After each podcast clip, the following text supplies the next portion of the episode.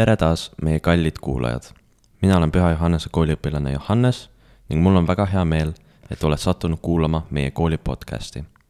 tänane osa on väga eriline, sest meie koolil on sünnipäev.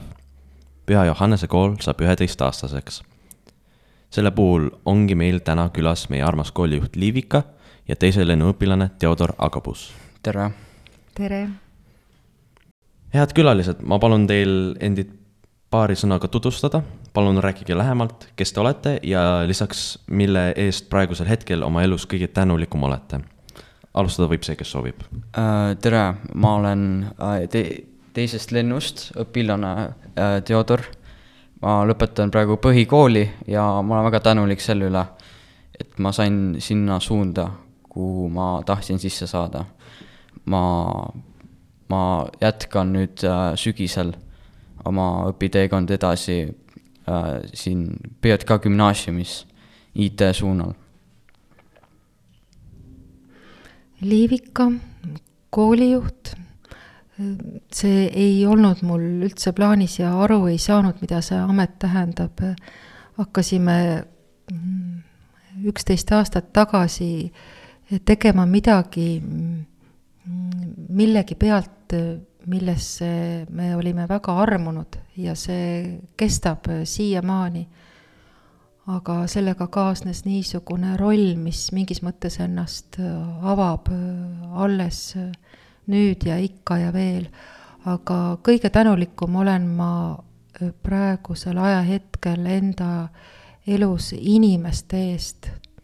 et ma päriselt imestan ja imetlen inimesi, kes mu ümber on. et see on väga suur äh, rikkus ja varandus ja õnneks äh, on neid inimesi igas minu elu aspektis, nii koolis kui kodus.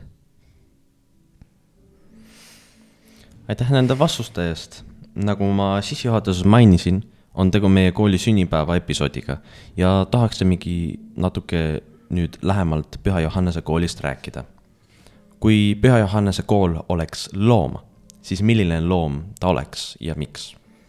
Äh, ma arvan seda, et äh, meie kooli sümbol on muidu kotkas ja see vist sümboliseerib minu arust kuskil mingisugust, see on mingisugune piibli sümbol. aga minu arust sobib ka meie kooli sümboliks rebane, sest äh, reba on, rebane on niisugune väike loom ja minu arust see sobib kokku meie kooliga meie kool on samuti väike. ja rebane on ka selline, kuidas öelda, kohanemisvõimeline. rebane nimelt, ta suudab elada väga ekstreemsetes oludes ja siis samas ka elada väga sihukeses, sihukestes äh, leidlikes kohtades, teha endale eluase. ja minu arust meie kool ka on läbi käinud väga palju erinevaid kohti. ja loo-, rebane on ka sihuke väga intelligentne ja intuitiivne loom, mis minu arust ka äh, väljendub meie kooli vaimsuses. No ma ütleks ka esimesena muidugi kotkas, isegi meie kooli no, kutsutakse kotka kooliks või kui lapsed tulevad esimesse klassi, siis nad ütlevad, et me hakkame käima kotka koolis ja ütleme, looma kuju just väiksemaid lapsi või sümbol kõnetab äh, väga tugevalt, seda võetakse lihtsasti väga sügavale vastu kunagi ma olen kuulnud, et jumalik armastus on sarnane sellele, kuidas kotkas armastab oma poegi. ma ei tea, kas see tegelikult looduses ka nii on. aga tookord, kui ma sellest kuulsin, siis räägiti nii, et kotkas viib oma pojad hästi kõrgele ja siis laseb lahti ja laseb neil langeda peaaegu kukkumiseni vastu maad, kuni tuleb vastu ja kannab, see kõlab tõesti veidi muinasjutu moodi. aga väidetavalt just niimoodi õpivad need pojad tulema toime nende eh, tuulte ja tormidega, eh, mis on seal kõrgel laotuses. teiseks näevad nad sealt sellist suurt pilti ja, ja kolmandaks õpivad ka väga osavalt navigeerima. nii liuglema kui ka siis äh, sööstma olulisel hetkel. ja ma arvan ka, et äh, meie kool on koera moodi, sellepärast et äh, koer on väga truu ja koer on andestav. Kuidas koertelt saab õppida seda kõige andestamist ja ma arvan, et meie kool on ka fööniksi moodi. fööniks on see, kes mõnikord tundub, et äh, on täitsa tuhastunud, aga siis tõuseb äh, võimsamana ja, ja uues kuues äh, justkui sellise tulise leegina. ja ma arvan, et meie kool on ka pelikani moodi, kelle armastus on ennast ohverdav, kes annab ennast teiste eest aga nii nagu öeldakse, et inimene koosneb loomast ja inglist, siis ma arvan, et meie kool on rohkem ingli kui mis tahes looma moodi. üks äh, asi, mis mul kotkaga seoses meelde tuli ja isegi Phoenix, on see sihikindlus ning see kuidagi truudus meie nendele põhiideedele ja põhimõtetele. et äh, kool on kuidagi alati nendest kinni hoidnud ning selle tõttu ise ka kindel olnud ja raudne.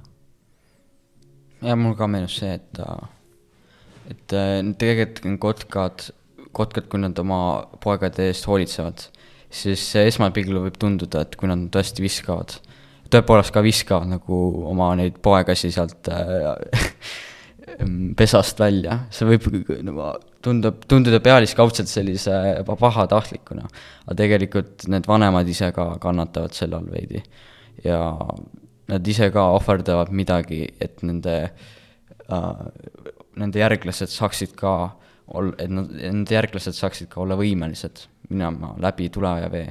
sest ma olen näinud ka videosi, kuidas äh, mingisugused äh, kotka pere haudub oma mune kuskil äh, täielikus kärmas pakases ja siis vaatamata nagu näljale ja lumele nad ikkagi sihikindlalt istuvad seal oma pesas. nagu siukse äh, sihiga silme ees. jah, üks selline ütlus on, et äh, kristlikult elada ei ole meile jõukohane, see, need on lihtsalt liiga kõrged ideaalid. küll aga on võimalik iga päev kristlikult surra, mis on sageli ainus viis kristlikult elamiseks ehk surra mingisugusele egoismile või nõrkustele. kui minna nüüd kümme aastat ajas tagasi, siis millised on teie esimesed mälestused seoses Püha Johannese kooliga? Minu üks mälestus on uh, esimeses klassis, esimese klassiga seoses.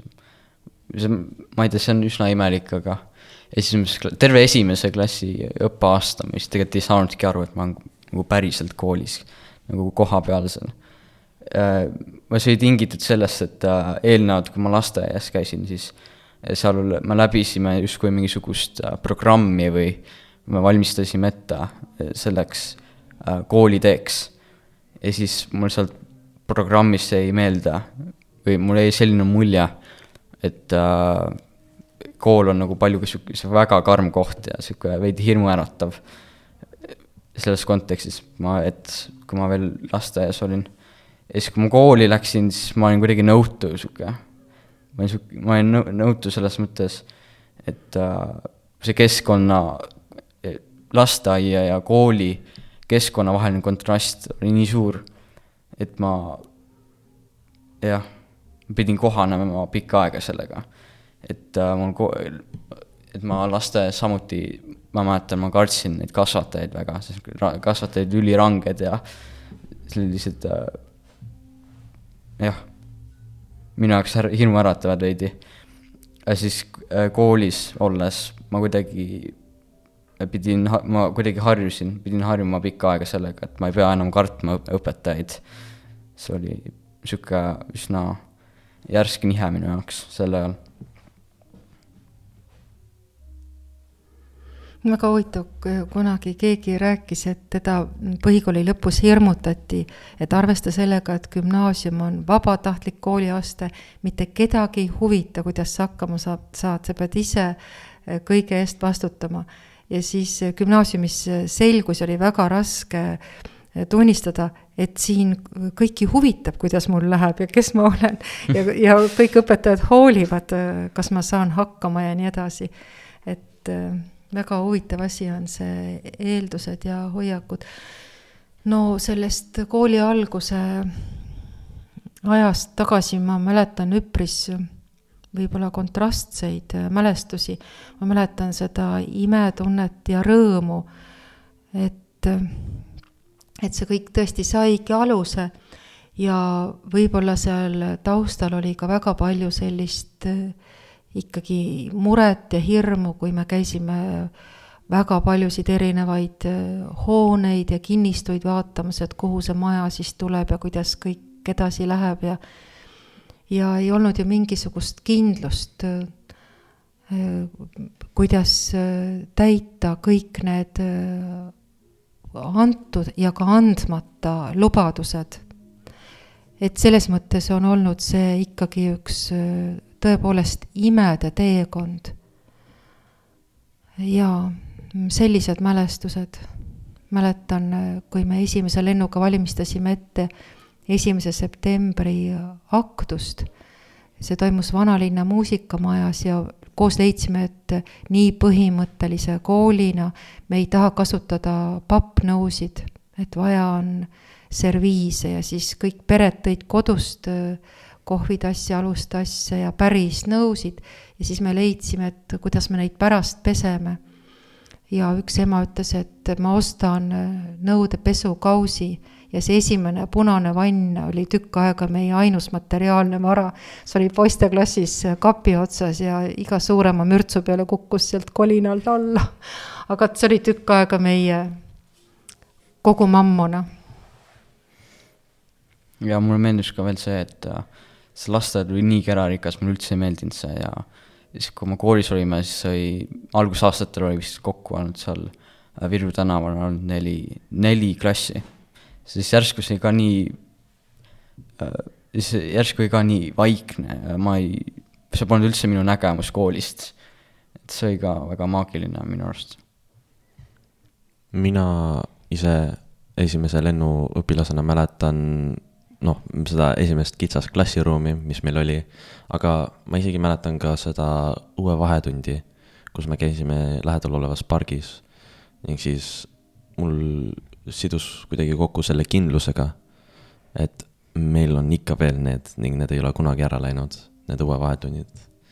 kuigi nagu aega võib-olla on vähe vahest ning vahest tahaks varem koju või mis iganes, aga me oleme alati sellest kinni hoidnud et see näiteks on üks näide sellest kindlusest meie põhimõtetele.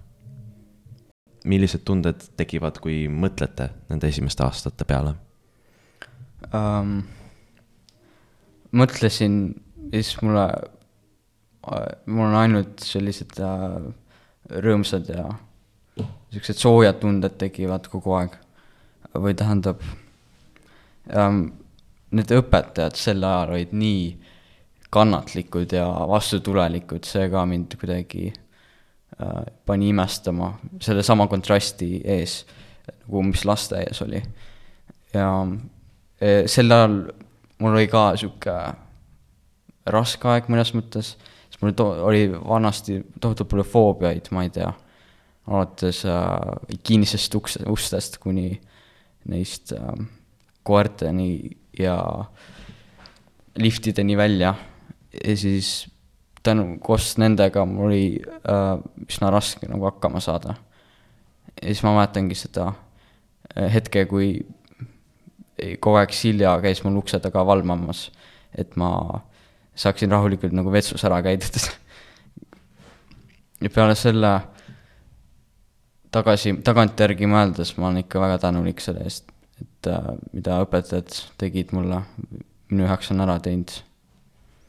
No kui on küsimus, milline tunne, siis ma ütleksin hellus, mingi helluse ja helguse võib-olla ka sellise nostalgia või haavatavuse tunne.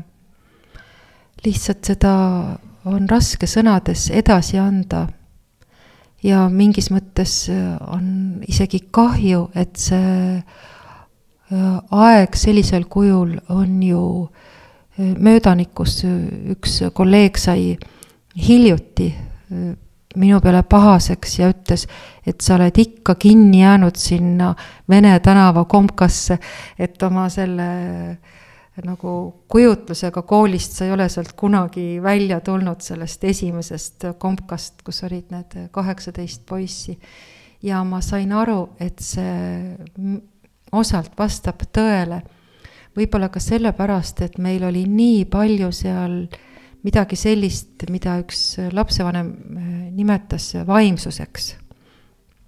et äh, ma arvan ikkagi, et see meie kooli ellukutsumine on äh, Jumala selline noh, äraarvamatu, mõistetamatu, seletamatu tahe. et see teoks sai ja see kuidagi oli seal õhus ka mingisuguse julgustusena või kindlusena tunda aga ma mäletan ka, et äh, kõige esimeses koolitunnis, äh, mis oli pärast aktust, äh, ma hakkasin siis oma esimese klassi poistega üldse looma sellist motivatsiooni või tähendust, et kus me nüüd oleme ja miks me siin oleme. ja palusin kõikidel joonistada midagi enda kaugemast tulevikust, mis nad tahaksid teha et siis äh, sõnum oli selles, et me nüüd hakkamegi sinnapoole liikuma. et see, mis on teie selline kõige sisim ja suurem unistus, et selleks me hakkamegi haridusega valmistuma. ja siis äh, poisid hakkasid seda joonistama ja pärast palusin kõikidel rääkida ja ausalt öeldes ma mäletan seda šokki, et need joonistused kõik olid äh, eranditult ja ülimalt helged, hästi positiivsed, et seal oli mingisugune plaan äh, teha äh, kellegi elu või midagi ilusamaks, selgemaks, lihtsamaks, paremaks.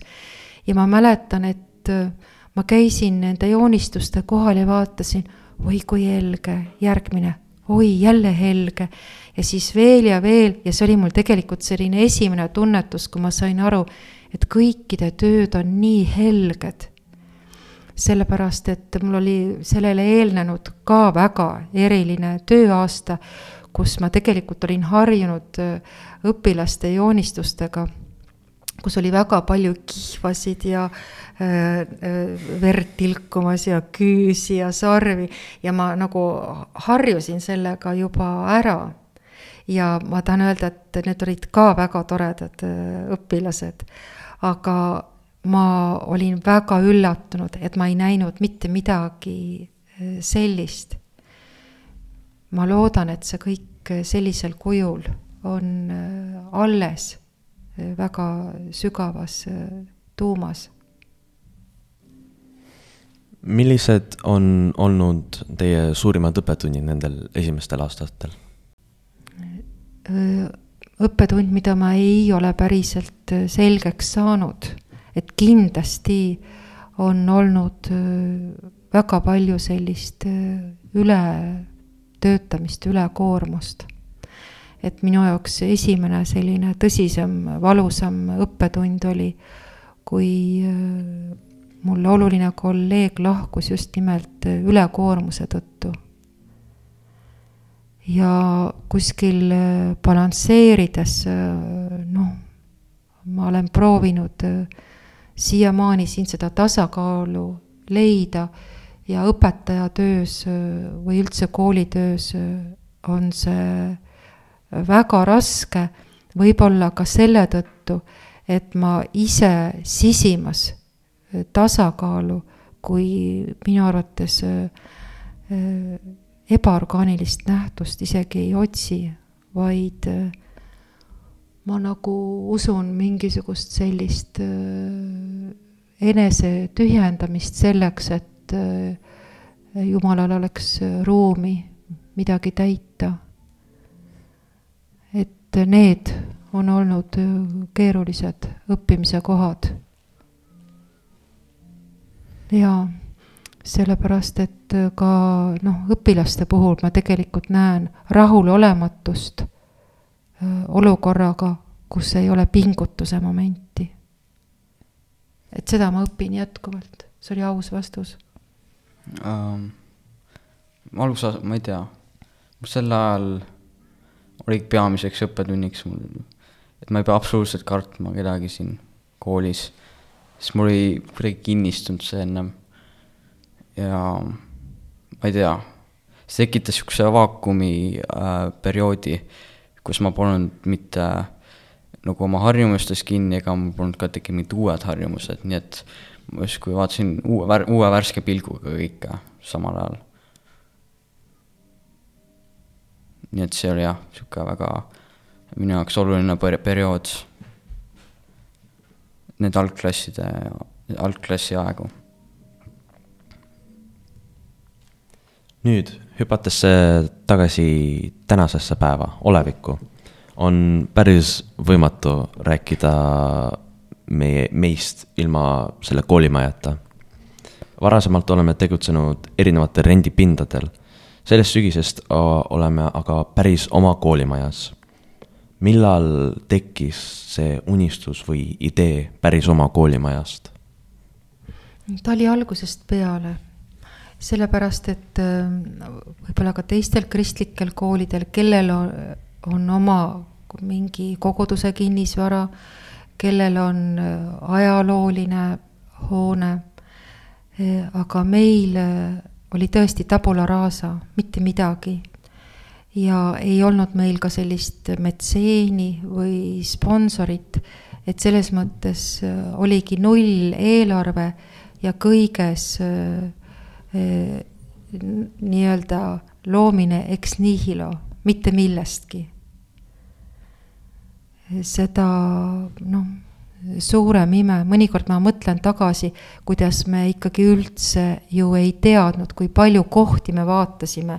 me käisime pidevalt äh, midagi vaatamas ja jälle sai mingisugune projekt tehtud ja me käisime ka nõu küsimas väga paljudelt inimestelt ja ma mäletan, kuidas äh, mu hea sõber ja kolleeg äh, Oleg sattus ühel oma välisreisil väidetavalt ühe mm, kuulsa staaretsi juurde, sellise läbinägeliku vaimuliku juhendaja juurde ja Oleg äh, läks tema käest küsima, et äh, kuidas üldse kooli tulevik saab olema või, või mismoodi oma maja poole liikuda.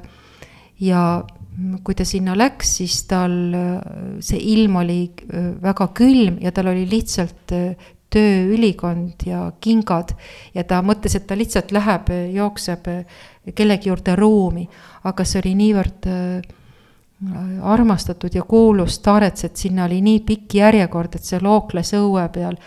Ja Oleg pidi seal seisma kaua aega lihtsalt äh, peaaegu tuisu käes ülikonna väel, aga ta ikkagi äh, tegi selle kõik lõpuni ja isegi ei jäänud pärast haigeks.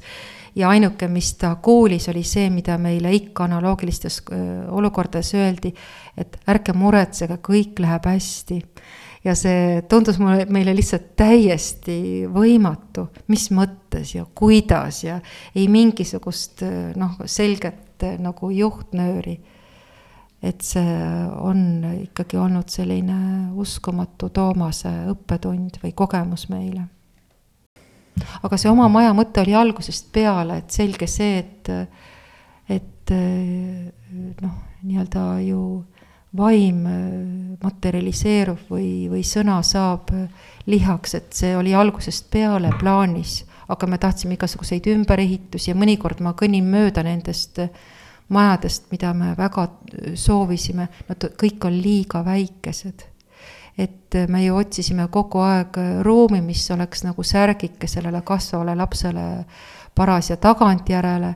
nüüd ma näen seda jumala ettehooldust, esiteks, miks me ei pidanud neid maju saama, aga teiseks, miks me pidime nii palju vaeva nägema ja neid seal mõõtma ja projekte tegema ja ja unistama sellepärast, et meil oleks mingi lootus. Ja kolmandaks, ma arvan, et see ütlus, et anna endast maksimum ja siis Jumal annab ülejäänu, vastab tõele, sest me pidime kogu aeg ikkagi pingutama. et ma arvan, me ei oleks siin majas, kui me poleks teinud nii palju tühja tööd. et me ei saanud lihtsalt istuda käed rüppes või ka ainult nagu loota. et et me pidime väga palju tegema mõttetut tööd, mille mõte seisneski selles, et koguda sellist äh, niisugust äh, noh, pingutuse energiat, aga ma mäletan seda, et me olime seal äh, Vene tänaval. Ja ma ütlesin lapsevanematele, et ma kuulen, kuidas meie koolimaja valmib taevastel kangastelgedel. ma päriselt nagu kuulsin aga võib-olla ma ka kujutasin seda ette, aga ma sain aru, et eh, noh, nii nagu Jumal koob inimest ema ihus salaja, et nii midagi valmib, mis on peegelpilt eh, immateriaal, immateriaalsuses meie eh, mingisugustele toimimistele mis eh, siiski on liiga ebapiisavad selleks, et mitte vajada sellist eh, noh, kirjeldamatut eh, Jumala armu. mida me ka oleme protokollinud õpetajatega näiteks, et mida me kõige rohkem vajame, igasuguseid asju, aga lõpuks ikkagi just seda. see, ma ise väiksemana ei mõelnud üldse selle uue koolimaja peale me liikusime majast majja, aga siis kaua aega olime Siilis. aga kogu aeg kusagil taustal oli see idee, et uus koolimaja varsti tuleb. ja siis äh, see oli kuidagi huvitav, sest ning andis kuidagi lootust ka, sest et äh, oli see logisev koolimaja seal, mis, mis muidugi oli oma võlu, aga nüüd siin uues koolimajas on kohe imelik, et kuigi mul ei olnud seda suurt unistust, siis nüüd näha seda siin, see kohale jõudmine, et see on vägev ja siis see on ka näiteks järgmine küsimus. et nüüd, kus see on siin, et mis, mis on tunne? esimene tunne oli, mul oli suur hirm, et meid tabab päralejõudmise tunne või valmis saamise või kohalejõudmise tunne ja esimene rõõm oli see, et seda tunnet ei tule, vaid vastupidi, et tunne on see, et kõik on alguses ja teekond jätkub. ja see oli mulle suureks äh, rahustuseks, et me oleme jätkuvalt teel, et me ei ole kuhugi pärale jõudnud. Äh, siis äh, teiseks oli päris ehmatav see, kui õpetajad ütlesid, et oi, et siin aatriumis üldse ei ole kõik palvemulli sees, see on täpne tsitaat õpetajatelt, ja et see nagu ei kanna ja nii edasi. ja siis ma sain aru, et äh, mateeria on äh, noh, ikkagi ju kuskilt tehasest tulnud tsement ja, ja betoon ja, ja et äh, lihtsalt materjalid. aga kool on eeskätt atmosfäär ja eeskätt õhkkond mida me kõik noh, tunneme, kui me kuhugi läheme, mingisugust äh, paiga sellist äh, energiat. ja siis ma hakkasin uurima lausa kvantfüüsikat ja väljade kohta ja kuidas üldse tekib selline nojah, just väljaenergia. ja selliseks mitu kuud ma olin täiesti nagu mures ja vaevas sellega, kuni siis äh, me hakkasime lugema siin äh, keskpäeviti äh, sellist tundide palvekorda. ja sellest alates minu arvates nagu hakkas kõik muu ka tööle, et see on hämmastav, et see kestab umbes kümme minutit seal tavaliselt on mõned äh, õpetajad, aga see, et meil on kell üheksa palvus, kell kaksteist palvus ja kell kolm küll noh, mitte sellisel imelisel kujul nagu vanasti oli memme musi, aga mis tegelikult on ju ka palve.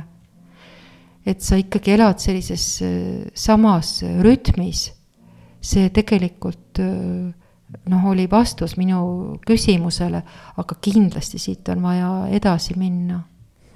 et äh, ma tahan öelda, et mateeria on väga-väga tähtis, aga vaim on loomulikult tähtsam veel. Nende samade äh, palvetega meenus mulle, et äh, minu jaoks oli väga oluline väiksena ka see, need äh, palvuse momendid äh, nagu hommikuti, sellepärast et äh, millegipärast mul oli vaja maha raguneda või uuelt lehelt alustada nagu koolipäeva või midagi sellist oli.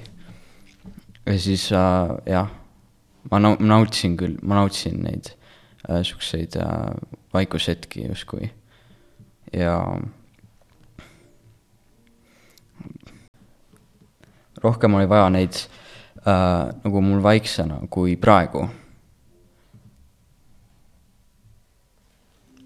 Aga kuidas te ütleksite, et on teie jaoks läinud see sisseelamine ja õpilaste jaoks üleüldiselt ka ähm,? sügisel ma ütleks äh,, mõned äh, õpilased kurtsid, nad igatsevad seda vana Siilimaja tagasi, aga praegu vaadates justkui elu kulg kujundab seda, neid ruume siin jällegi, jälle kodusemaks ja veidi meenutab heas mõttes jälle sedasama Siilimaja. nii et ma arvan, et tegelikult äh, et ma iga päevaga üha setime siia sisse. ja siis jah, ma arvan, seda tunnet enam hiljem polegi, et äh, kus see nüüd see Siilimaja on, sest see Siilimaja juba nagu juba kujunebki välja, see võtab aega.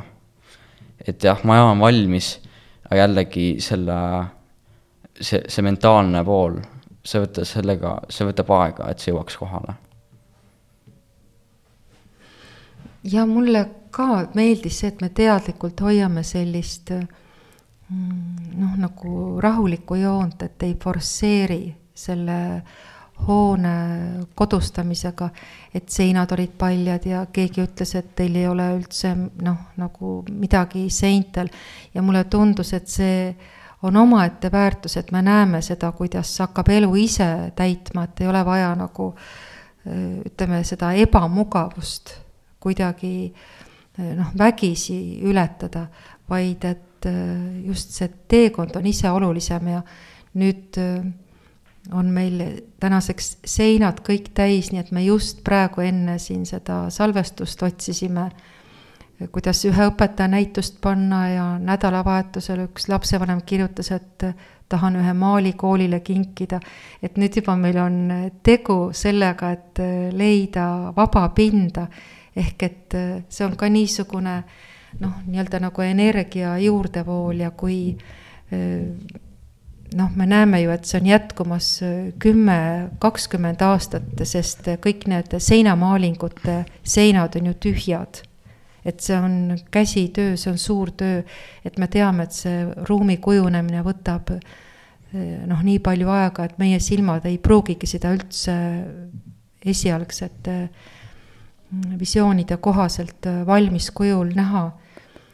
ja teiseks on näha, et see vorm on ikkagi ka jälle selline elastne. Selles mõttes, et seda sisu siia voolab juurde ja ka tekib juurde. et on igasuguseid ju sündmusi, mis noh, siin majas me teame, et hakkavad aset leidma, mida on juba omakorda tinginud see maja, et selles mõttes on selle vormi idee küll selles, et ta ühendaks inimesi ja aitaks inimestel siin leida sellist sisu, mida nad vajavad. et hea meel on näha, et, et see maja on elus ja dünaamiline. võtame aja ja vaatame korra meie ette, mis on ees, seda tulevikku et milline on teie arvates Püha Johannese kool kümne aasta pärast, kui tähistame meie koolis kahekümne esimest sünnipäeva? Ähm, eelkõige ma loodan seda, et äh, kümne aasta pärast me ikkagi käime füüsiliselt siin koolis, et ei oleks tekkinud mingisugust sellist äh, isiklikku või personaalset äh, õppimissüsteemi. sest minu arust see on väga suur väärtus, et me saame, et inimesed saavad koos õppida ühes ruumis, sellepärast äh, paralleelselt ka selle õppeainega, mida edasi antakse, on ka äh,, on ka väga suur roll sellel sotsiaalsel poolel, äh, kus muljetletakse ja näiteks äh, kui lev-, levivad need erinevad arvamused ja maailmavaated nagu sõbrad sõbrale, et see justkui ka arendab meis sellist äh, sotsiaalset poolt ja siis sotsiaalset tore-, tolerantsust ka justkui. Ja see minu arust just tuli välja distantsõppe ajal see teema tähtsus. nimelt, kui distantsõpe oli pikka aega ja kui me klassiga tulime jälle üle pika aja tagasi kokku, siis imelik oli kuidagi uuesti rääkima hakata. et see justkui, suhtlemisoskus ei justkui kannatada saanud. nii et äh, selle, sellele peab andma nagu ruumi ja see peab, nagu, see peab stabiilselt arenema justkui, mul jäi, mul jäi selline mulje. ei no, mul mõnes mõttes on seda kooli natukene raske, raske ette kujutada. nüüd see kõlab natukene isekalt, aga ilma minuta, sest ma olen lihtsalt terve aeg siin olnud ning ma polegi kunagi näinud seda väljaspoolt. aga siis ma kujutan ette, et noh, esiteks uued õpilased, kõik noored saavad vanaks. Aga ma mõtlen ka rohkem koolimaja peale et ma kujutan ette, see seinad on arvatavasti siis võib-olla loodetavasti kõik täis ja igast ilusat kunsti ja võib-olla muud toredat kraami täis. Mm.. aga muidu raske on ette kujutada, aga noh, teades seda, et me oleme meie kool, siis ma kujutan ette, et see sõbralikkus ja niisugune vennalikkus jääb ikka meie, kuna see on osa meie DNA-st, siis ma eeldaksin, et see on ikka veel siis nähtav. sageli inimesed, kes tulid Siilimajja, ütlesid, et oi, see on nagu kellegi kodu, et see märksõna kodusus kõlas kõige sagedamini või peaaegu eranditult. aga siia majja jõudes öeldakse kõige rohkem rahu et äh, küll teil siin on rahulik ja selline äh, noh, et juba enne majja sisenemist äh, nagu sisened mingisugusesse teise aegruumi, kus on rahu. tõenäoliselt me ise seda sellisel kujul ei taju, sest me oleme noh, mis Theodorgi ütles, eks ole, et nagu see mingi üleminek ühest olekust teise, et me oleme ise nii sujuvalt teeme seda, et me ei pane seda võib-olla tähele, aga sageli just äh, noh, uus tulija toob selle mingisuguse värske vaate. ma arvan, et see on üks meie selline missioon ka, kanda mingisugust sellist eh, noh, kuju, mis inimeste sügavamatele vajadustele vastab. ma arvan, et kõik suured arengud ja teekonnad üles mäge viivad tegelikult sissepoole.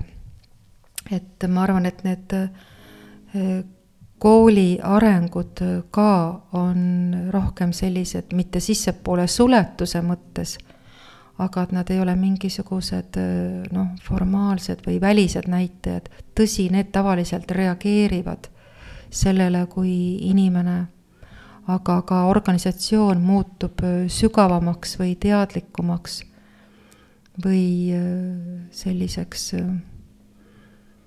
noh, soojemaks, eks ole, et ma arvan, et äh, need äh, seinad ühel hetkel, nagu öeldakse, äh, koduseinte toetus, et need hakkavad ka ise mõjuma nii-öelda kasvatuslikult. et ega mina ka ei kujuta seda kooli ette ilma teieta, esimene või teine lend. Aga ainus lootus või lohutus on see, et nii nagu teie gümnaasiumisse tulles mõistsite õigeks oma vanemate valiku, nii võib-olla kunagi, kui te ise olete isad ja emad, toote oma lapsed siia, et siis see tegelikult tähendab, et see kogukond, kui ta hakkab kasvama generatsiooniti, siis tegelikult see hea mõju kumuleerub, mitmekordistub ja kui ma tohin sind, Theodor, tsiteerida sellest sügisesest vestlusest, mis meil oli kõikide põhikooli lõpetajatega, kui me küsisime, et no sellise standardse küsimuse, et mida võtad siit koolist kaasa? siis sa mäletad, mis sa vastasid? minu sõnad olid need, et, et tegelikult mida kõik õpilased võiksid kaasa võtta, ongi see, et, et sa oma läbi oma kire või sellise eneseteostuse saad äh, väga he heal viisil nagu ühiskonda teenida. et äh, teiselt poolt justkui, kui inimene justkui annab oma osa ühiskonnale niisuguse, sellise mõttega, et ennast lihtsalt ära elatada, elatada või et oma kasuks nagu e, töötada, siis, siis selle, sellele vastanduv siis saaks väga teist, väga erinevalt, kui mõelda hoopis niimoodi, äh, et äh, anda mingi lisaväärtus ühiskonnale, siis see on palju nagu tähtsam. See on, see oleks nagu üldpildis siis palju jätkusuutlikum selline lahendus. ja ma arvan, et see on väga tähtis mõte õpilastele, kes äh, alles õpivad, kuidas ühiskonnas äh, toime tulla. ja ma mäletan, et sa ütlesid, et kogu haridus, mis ma olen saanud, on mulle siin koolis õpetatud, on teiste teenimiseks. et see tähendas, et, et põhiline on edasi antud.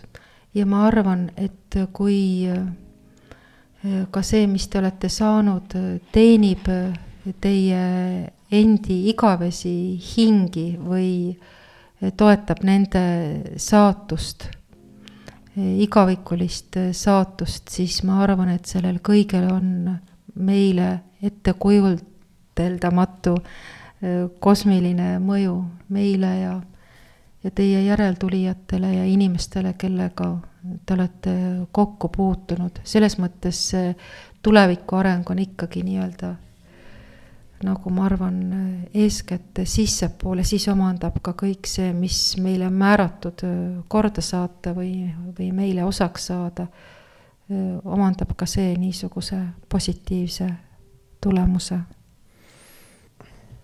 millest ütleksite, Püha Johannese kool unistab? ma arvan, et äh, meie kool unistab sellest, et äh, siit koolis, siin koolis kujuneksid välja sellised värvikad ja väga e, isemõtlevad, originaalselt mõtlevad inimesed, sest minu arust see ongi tegelikult äh, koolide põhimõte. just nagu tegelikult suunata õpilasi, mitte neid justkui dikteerida. Ja nõustun, vabad isiksused, kes oskavad äh, armastada teisi ja olla koos äh, teiste inimestega. nii et see on kõigile rõõmuks ja hüvanguks. mul on olnud väga hea meel heita teiega koos pilk minevikku, olevikku ja tulevikku. ma väga loodan, et kõik need unistused, millest unistavad nii õpetajad kui ka õpilased, meie kooli jaoks täituvad. aitäh ja palju õnne kõigile! aitäh kutsumast! ma tänan südamest meie tänaseid vestluskaaslaseid Liivikat ja Theodorit nende aja eest. on olnud väga tore arutelu ning soovime meie armsale koolile palju õnne ja aastaid. aitäh, Johannes